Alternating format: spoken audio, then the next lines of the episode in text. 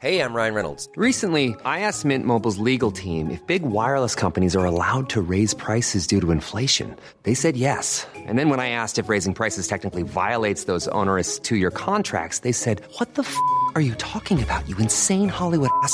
F- So to recap, we're cutting the price of Mint Unlimited from $30 a month to just $15 a month. Give it a try at mintmobile.com slash switch. $45 upfront for three months plus taxes and fees. Promo rate for new customers for limited time. Unlimited more than 40 gigabytes per month. Slows. Full terms at mintmobile.com.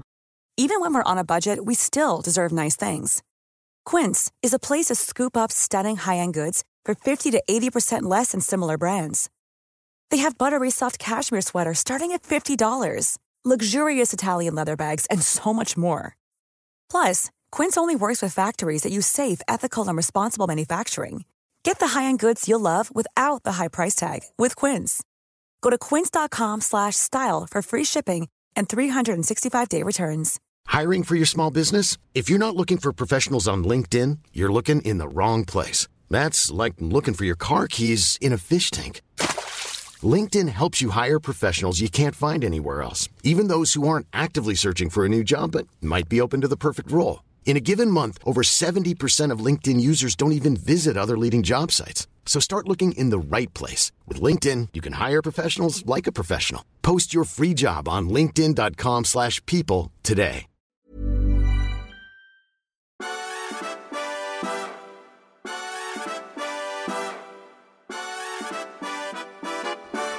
Morgon. Ja, jag hinner aldrig först. Nej, du Nej. får ligga i lite mera. Ja, jag, jag förstår det.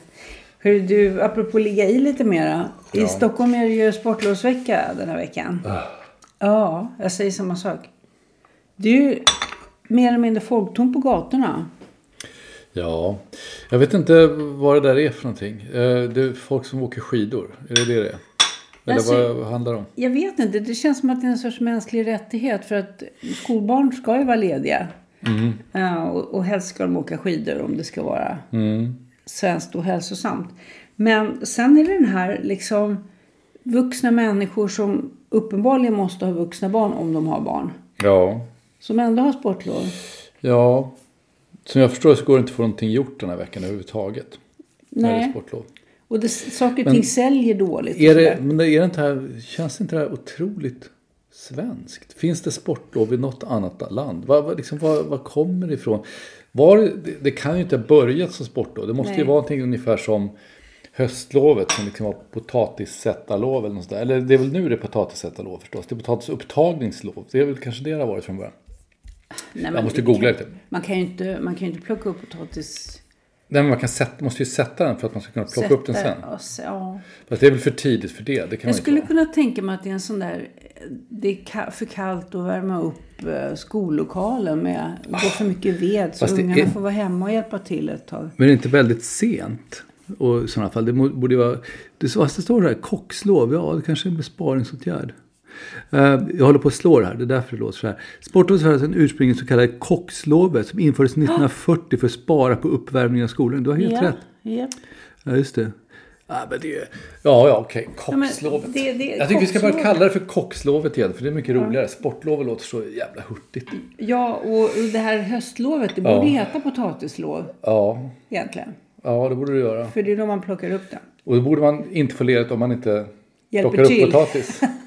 Nej, men alltså hela den här grejen, eh, den här profilen från att spara på veden Ja. eller koxen till att v- alla ska... Åka till Val. Jag var inne faktiskt i en, i en butik där det var väldigt, eh, väldigt, väldigt folktomt. Ja. Den heter Singular Society och ligger i, i modgallerian. De berättade att veckan innan Ja, Kock- vår son jobbar där ska vi säga för att avslöja att vi är, att vi är lite Att vi vet saker och ting för att vi känner folk. Ja. Mm. Ehm, och ehm, då berättar de att veckan innan kockslovet, då Mm. hade det varit fullt med folk som har varit inne och köpt upp sig på skidutrustning. Det vill säga vantar och mössor och sådana där saker. Ja, ja. Intressant. Jag vet inte. Alltså en del av skälet till att jag tycker illa om det här är ju att jag tycker illa om, om sport. Ja. Och jag, jag, Och jag, skidåkning och allt sånt där jävla elände. ja, jag tycker det är så underbart. Jag kom, jag kom just över eh, eh, min favorit Pretend It's a City. Ja. Vad heter madame? Franny Leibovitz. Fran, Fran Lebovich, ja. Eh, Och hon är också en fullständig motståndare till allting som har att göra med sånt där. Fysisk aktivitet, ja. Ja, hon älskar att gå omkring i New York och titta på saker. Och det är underskattat i Sverige. Ja, Här ska och man stå det på- underskattas att gå runt i New York och titta på saker. Ja, eh, gå in, Sverige. kan vi gå i Stockholm? Stockholm, ja. Nej, man ska stå på en um, fjälltopp någonstans alldeles ensam och det ska blåsa och vara jättekallt och sen ska man berätta för alla sina vänner hur mycket man har frusit. Ja, usch. Ja, Ja, nej, det där kan Där- vi... där Alltså, vi alltså, arbeta istället. Arbeta. Ta, arbeta. I, I ert anletes svett. det, det Mm. kan man också tänka på. Ja, nej men eh, vi... Eh, det är faktiskt en annan sak som har eh, inträffat här. Det är att vi har kommit hem från vår långa vistelse i Sydafrika. Ja, just, vi sitter och gnäller på att folk har en veckas semester. Vi har varit sju veckor i Nej, Kapstaden. men vi var ju faktiskt inte på semester. Vi Nej, jag, jag vet. Men det jag tror att folk kan vara lite avundsjuka ändå. Att vi har jobb där vi kan sitta och jobba sju veckor i Kapstaden. Så kan det vara. Men då just... Så Mm. Men det unnar vi dem inte. Nej, Jag vet inte. Nej? Om man, om man trivs på fjälltoppen så ska man väl stå för det. Okej. Jag tycker det. Nej, men det har just kommit en nyhet om hur otroligt många som lever med citat kraftig övervikt. Mm.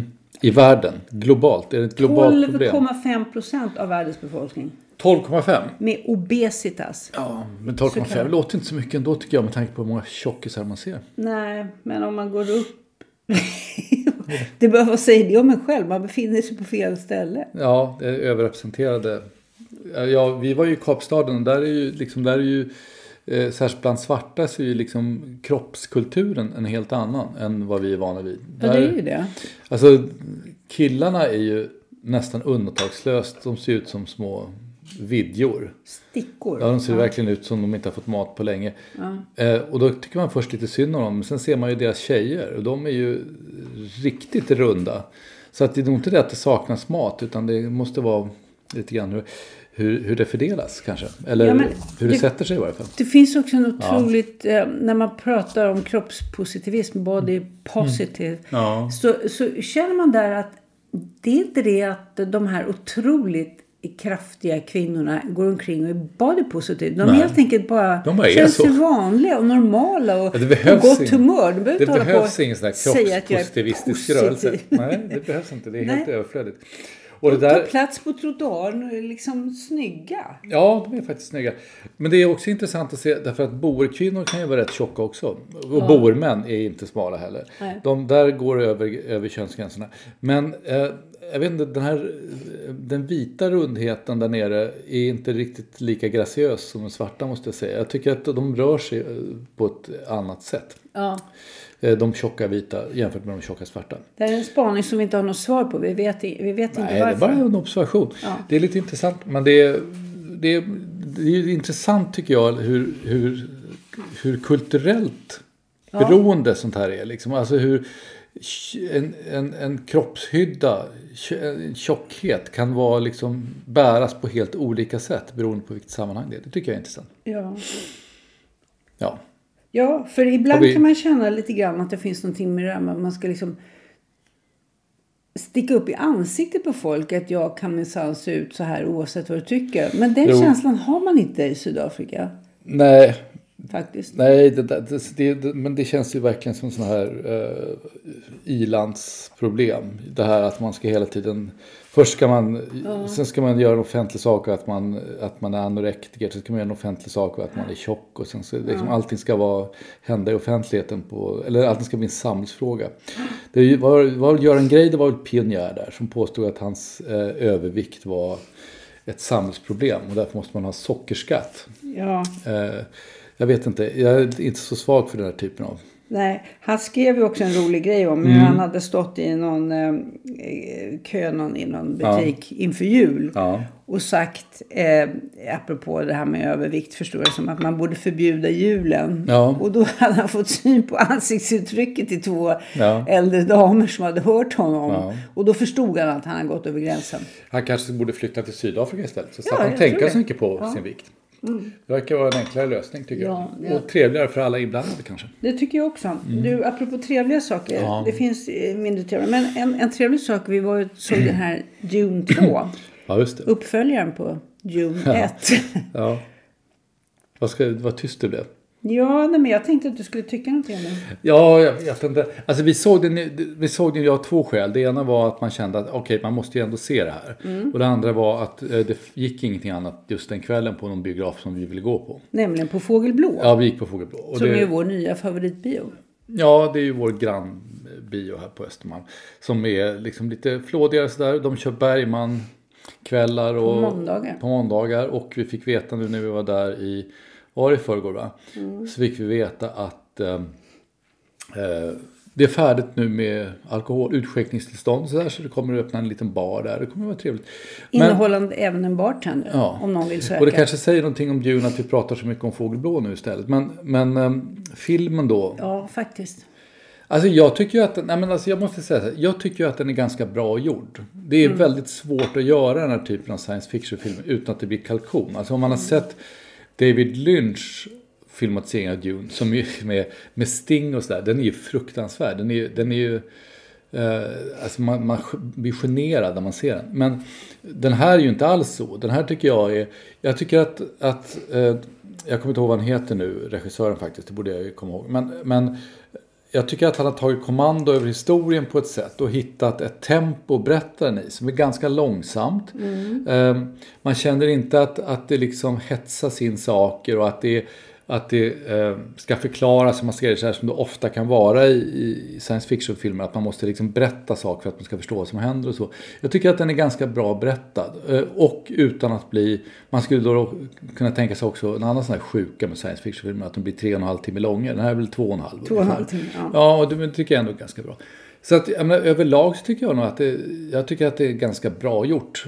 Förutom att det är alltid värt pengarna att få se Stellan Skarsgård i, i fatsuit. Eh, det är alltid kul. tjocka människor. Ja. Ja, men, men, men det är nog mer det att jag känner att eh, jag kanske inte är jätteintresserad av den här storyn. Du är inte målgruppen. Nej, jag kanske har varit det tidigare i mitt liv. Nu känner jag kanske att den är lite för... Esoterisk. Ja, fast liksom kanske lite för lite löjlig. Alltså, eh, man kan hitta på fantasivärldar, men och, och på ett sätt kan man ju tänka sig att det är mycket enklare att hitta på fantasivärldar än att beskriva värld som faktiskt finns.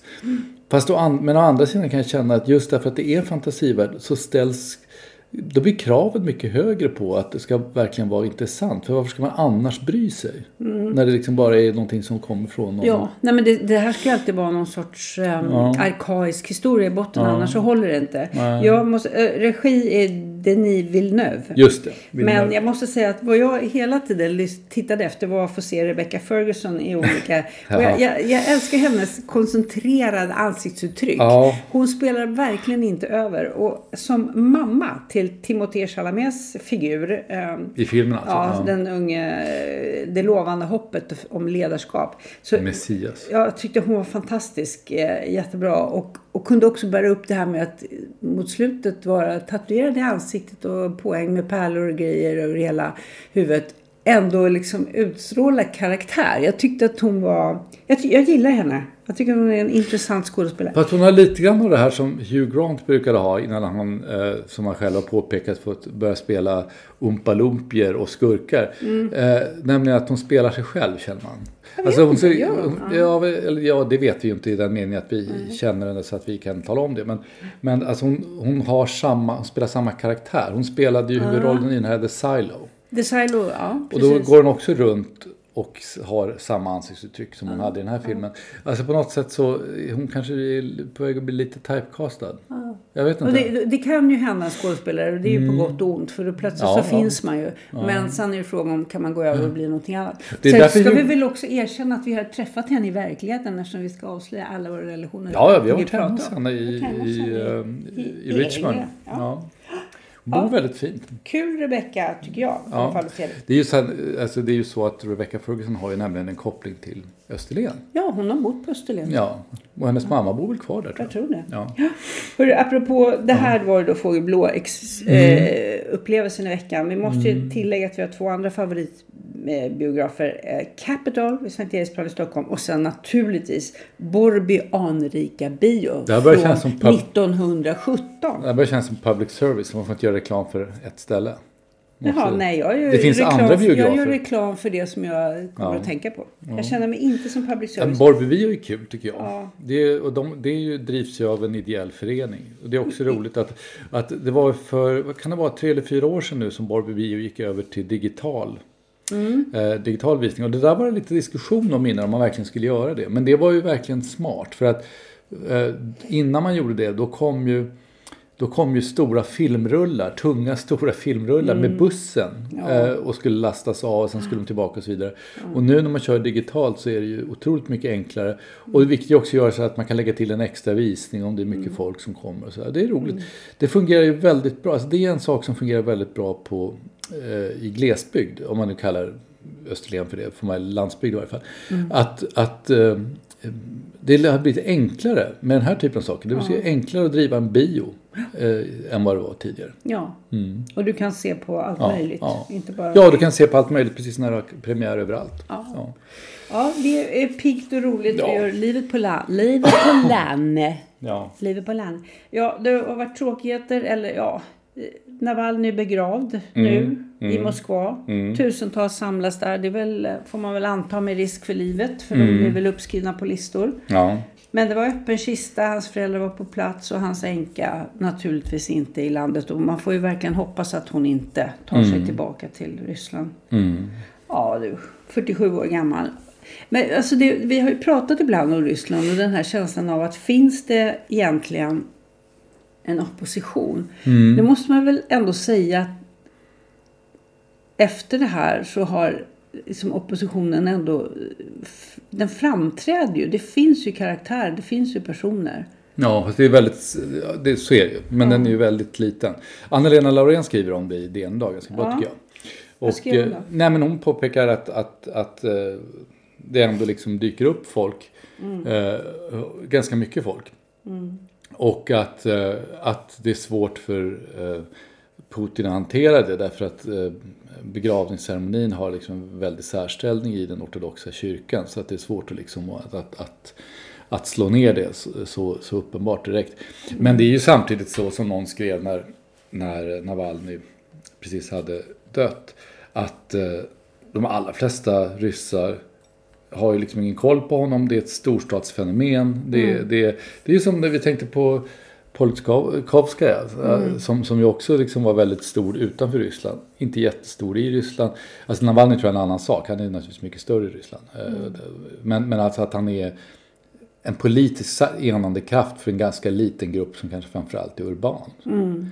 Alltså jag, tror att det, jag tror inte man ska inbilla sig att det finns någon, någon stark och framförallt inte någon, någon organiserad eh, riktigt hot mot Putin politiskt. Inte på folklig nivå, nej. Anna Politkovskaja träffade vi i Sverige faktiskt. Ja, Precis innan hon blev mördad. Något år innan. Mm. Ja.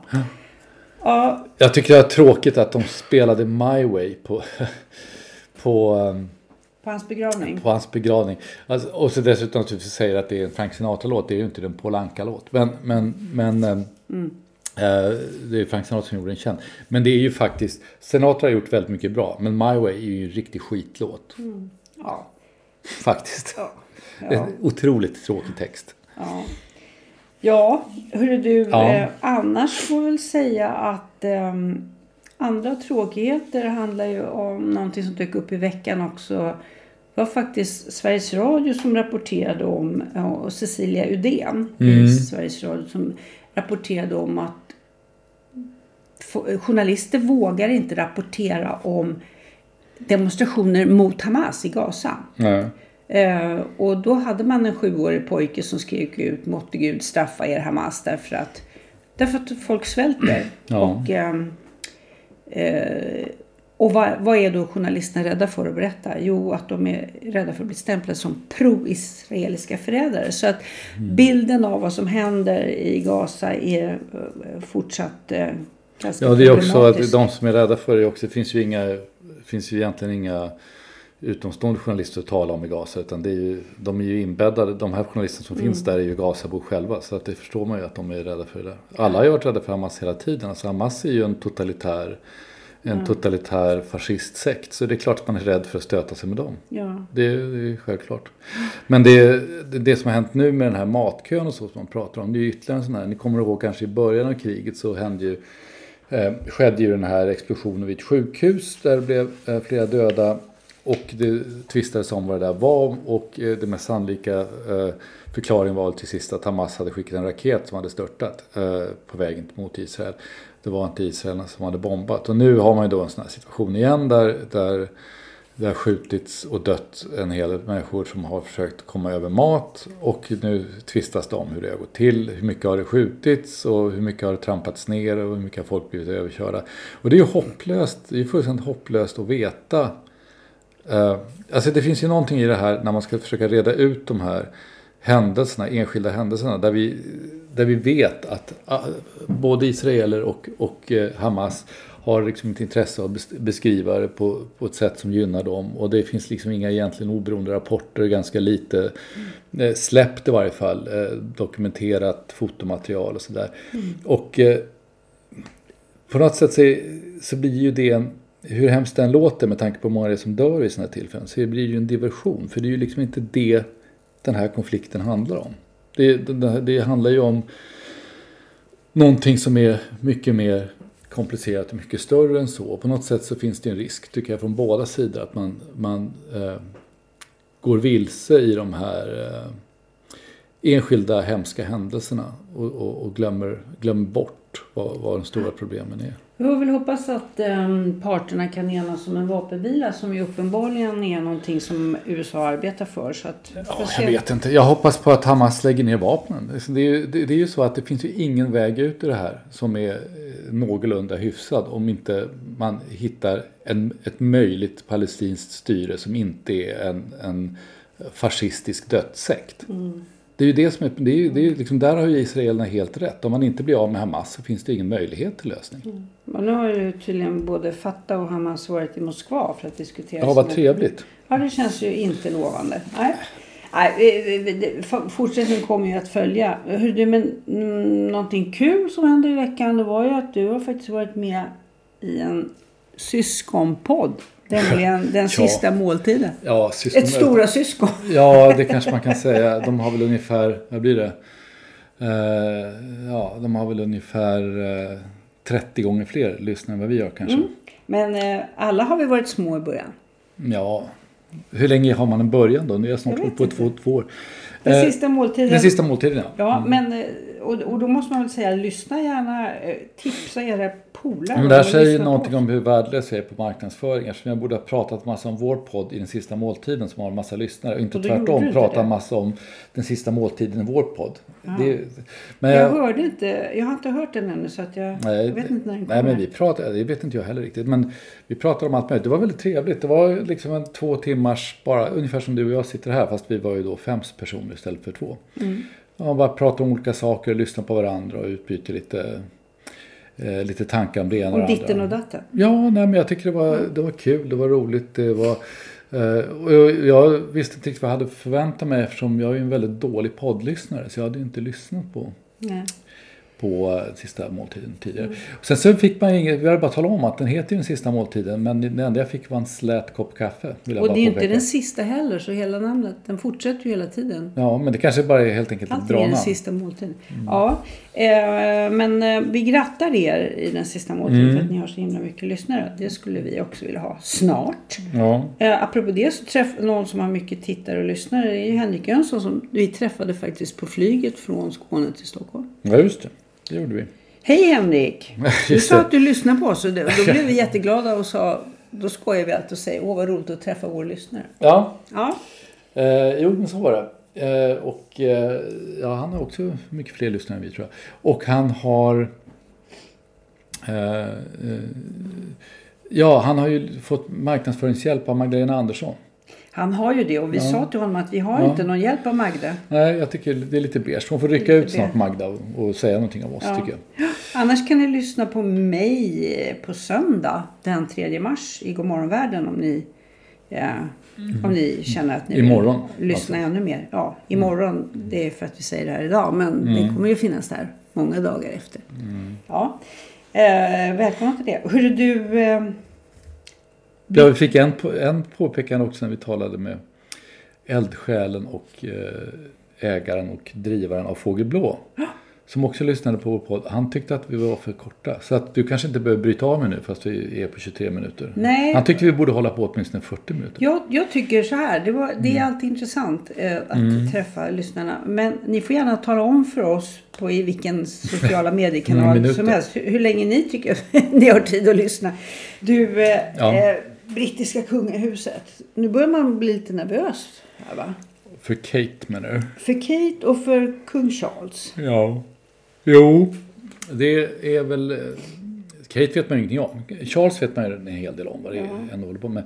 Men eh, ja, nej, men det är klart att det är lite tråkigt. Det som jag läste i tidningen idag är ju att eh, William tydligen, det stod att han hämtade och lämnade barnen på skolan. Och sen stod det liksom i någon inskjuten bisats tillsammans med eh, barnflicka. Barnflicka, ja. Eh, Men eh, det är väl lite gulligt att den framtida kungen hämtar och lämnar på, på dagis, höll jag på säga, men på skolan. Är, är det gulligt? Är inte det här samma sak som kockslovet på något sätt? Ja. Förväntar man sig inte att när hans pappa är sjuk och hans fru också är dålig. Att han kanske ska ägna sig åt England, Storbritannien, UK. Jo, det kan man ju säga. Jag vet inte. Jag vet inte, jag har, inte, jag har ingen jättestor synpunkt på det. Jag bara tyckte det var en lustig, eh, lustig upplysning. Det är en sån här grej som ska göras i bra i sociala medier, sa hon. Ja, det kan ju också vara så att mamman kanske är riktigt, är riktigt dålig. Så det kanske finns en poäng med att, att Vara ägna sig åt barnen. barnen. Ja, Ja, så det vet jo. vi ju inte om. Ja, behöver vi inte överpröva innan vi vet det, tycker jag. vad förnuftigt sagt. Ja, jag vet. Mm. Det är förnuftigt. Ja, vad händer annars då? Jag vet inte. Vad händer? Händer något intressant? Det är väl tveksamt. Det är, Alltså, jag... jag- det är Miljöpartiets... eh, Nu är de igång ska välja ny. Ett nytt språkrör då. Mm. Nu börjar folk anmäla sig här till, till posten. Ja. Men... eh, Har du några tips där då? Nej, egentligen inte. Alltså, jag får säga, mitt intresse är kanske... Below zero. Nej, det ska vi inte säga. Det är väl att ta i. Men det är ju jag inte jätteintresserad. Jag tror inte det spelar så stor roll. Alltså, det, det är inte riktigt det som är Miljöpartiets problem. Jo, politik, om vi ändå ska nämna lite om det. Kul sak idag. Jag, jag tror att den kom idag. Jag kan ha gjort det igår, kanske inte såg det igår. Men jag såg den i alla fall nu i morse. Expressen. Eh, Murahem Demirok. Han kämpar ju på för att försöka synas någonstans. Eh, nu hade han skrivit en, han och eh, jag tror deras EU-parlamentariker hade skrivit en stor artikel i, det var en artikel i DN, det är förstås inför EU-valet så. Men den handlade om att nu är det jätteviktigt att eh, slåss för aborträtten. Man känner, jaha. Och den är Alltså, hotad för... ja, jag vet precis. Jag är i Ungern kanske. Men, men, men vilket jag är inte säker på att uh, Muharrem Demirok har så mycket att säga till om vad som händer i Ungern. Men, men jag tycker det kändes som att så här, det, liksom, apropå partiets problem. Centerns eh, liksom enastående och allt mer cementerade förmåga att välja att bråka om saker som inte leder någonstans. Men är det här jag försöker tänka målgruppen? Är det så här unga kvinnor kanske Ja, kan övertygas och tro att aborträtten i Sverige är hotad? Jo, men jag tror att det är precis det det handlar om. Det här handlar väl om att Annie Lööf bytte ut Centerns väljarbas till i stor utsträckning unga tjejer i storstad. Och nu har väl Centern, eftersom de tappar, börjat tappa den gruppen också. Och då ska de liksom försöka se till att hålla kvar dem genom att hitta på att aborträtten är hotad i Sverige, vilket den ju inte alls är. Och det, men det, man, alltså det, ibland är man så glad att man inte är politiker. Tänk vad mycket eh, otrolig, eh, mycket tjafs man slipper hålla på med. Jag har aldrig varit ledsen för att jag inte är politiker. Men apropå det, jag glömt att säga till dig förresten. Men jag fick en förfrågan och det måste jag nog svara på. Förfrågan från, eh, det heter Politikbyrån tror jag, i, på Sveriges Television. Eh, jag har aldrig sett det, men, men eh, det heter det tydligen. Och det är tydligen något hyfsat seriöst program om politik. De ska göra ett program om, om eh, Ulf Kristersson och Birgitta Eds eh, roll som liksom slags spindlar i nätet för... Eh, First Family skulle för jag säga. ja, men inte nu utan tidigare. Som eh, spindlar i nätet för, Ja, ja. för en slags borgerlig... Eh, Opinionsbildning. Ja. Så de vill prata med mig om det och vad jag har för erfarenheter av det. Och det ska de kunna få göra. Eh, Men jag undrar vad det ska bli det där. Om det, är något, det, är väl, om det har att göra med att, att alla nu har lagt märke till att Ulf Kristersson använder Sagerska palatset och Harpsund där för att faktiskt bjuda in människor och ha mingel och sådär och, och, och socialt synas. Nu ska det väl göras någonting på, på Ja. är det här verkligen vad man ska syssla med? Jag vet inte. Men det ska bli intressant. Jag vet inte om jag har så mycket att berätta egentligen eh, eh, om det som inte massa andra kan berätta. Men jag kan ju gärna prata med dem. Nej men det här är väl kanske Mm. möjligtvis det här eh, Ulf Kristersson som en partajkille eh, istället för begåvat nätverkande. Det är väl på den skalan där. Vadå, är det- skillnad mellan, menar att men han inte är nätverkare? Det är väl det Jo, är? jag menar att han Ja, är det. Men ja. alltså om man ska göra Ja. bilden av honom. Som eh, hade Magda eh, lyckats med de här sakerna så hade hon väl kallats begåvat nätverkande och socialt. Ja. Jag vet inte, det kanske är någonting sånt där. Jag Intressant. vet jag bara, jag bara förutsätter att det är något jävligt tyg på gång. För det är liksom det man pysslar med när man håller på med sånt där. Men, men, eh, ja, men det ska bli, det ska bli, kanske bli Mm. Det ska bli intressant. kul att upplysa Sveriges Television och politik. Förresten så fick jag, absolut, vi kan nämna vår andra systerpodd också. Jag fick ett mail från Staffan Heimersson. Ja, just det. Som ju var i eh, Ärligt talat heter det, eller Tala ut. Eller, Min sanning. ja någonting sånt där. Han var i den här om sistens. Och då skrev jag en liten rad till honom och sa att jag tyckte det var kul att se honom. Eftersom han- är precis sig lik. Och, eh, och så kom det, tackade han för det. Och sen så efter en dag så kom det eh, kom det en litet mejl från honom. Där han föreslog att eh, om jag var trött på några av mina mera mångordiga och tråkiga kolumnister så kunde jag byta ut dem mot Viggo Kavling. Föreslog han. För han hade Jaså? sk- skickat med, en- med en text av Viggo som han tyckte var bra. Så det kan, kan vi nu berätta att Staffan Heimersson lobbar för, för Viggo. Viggo Kavling. Hörde du som, det, Viggo? Som eh, kolumnist i Fokus. Ja, man vet Ja. inte, det kan hända. Ja, jag, jag, jag, säger- man ska Sista ordet är inte sagt. Nej, sista ordet är inte sagt. Alltså Staffan Heimersson själv skriver i Fokus. Han skriver ju rätt mycket av våra minnesord Ja. med, med stor Ja, förtjänst. Jag tror att bra. i den här veckan så har han skrivit om Arne Hegerfors tror jag. Hegerfors. Hegerfors som vi sa ett tag. Ja. Mm. Ja. Och Ja. nu har vi hållit på i 30 minuter. Det Ja, är någon slags rekord. Det är bara för, men det, om ni tycker det här var jobbigt så beror det på, får ni skylla på fågelblå. Mm. Men jag, vi kan väl sluta här så kan ni höra av er och berätta om formatfrågan. och hur, länge ni, hur länge ni stod ut. hur, hur länge ni orkar. Ja. Ja. Hej då! Hej då!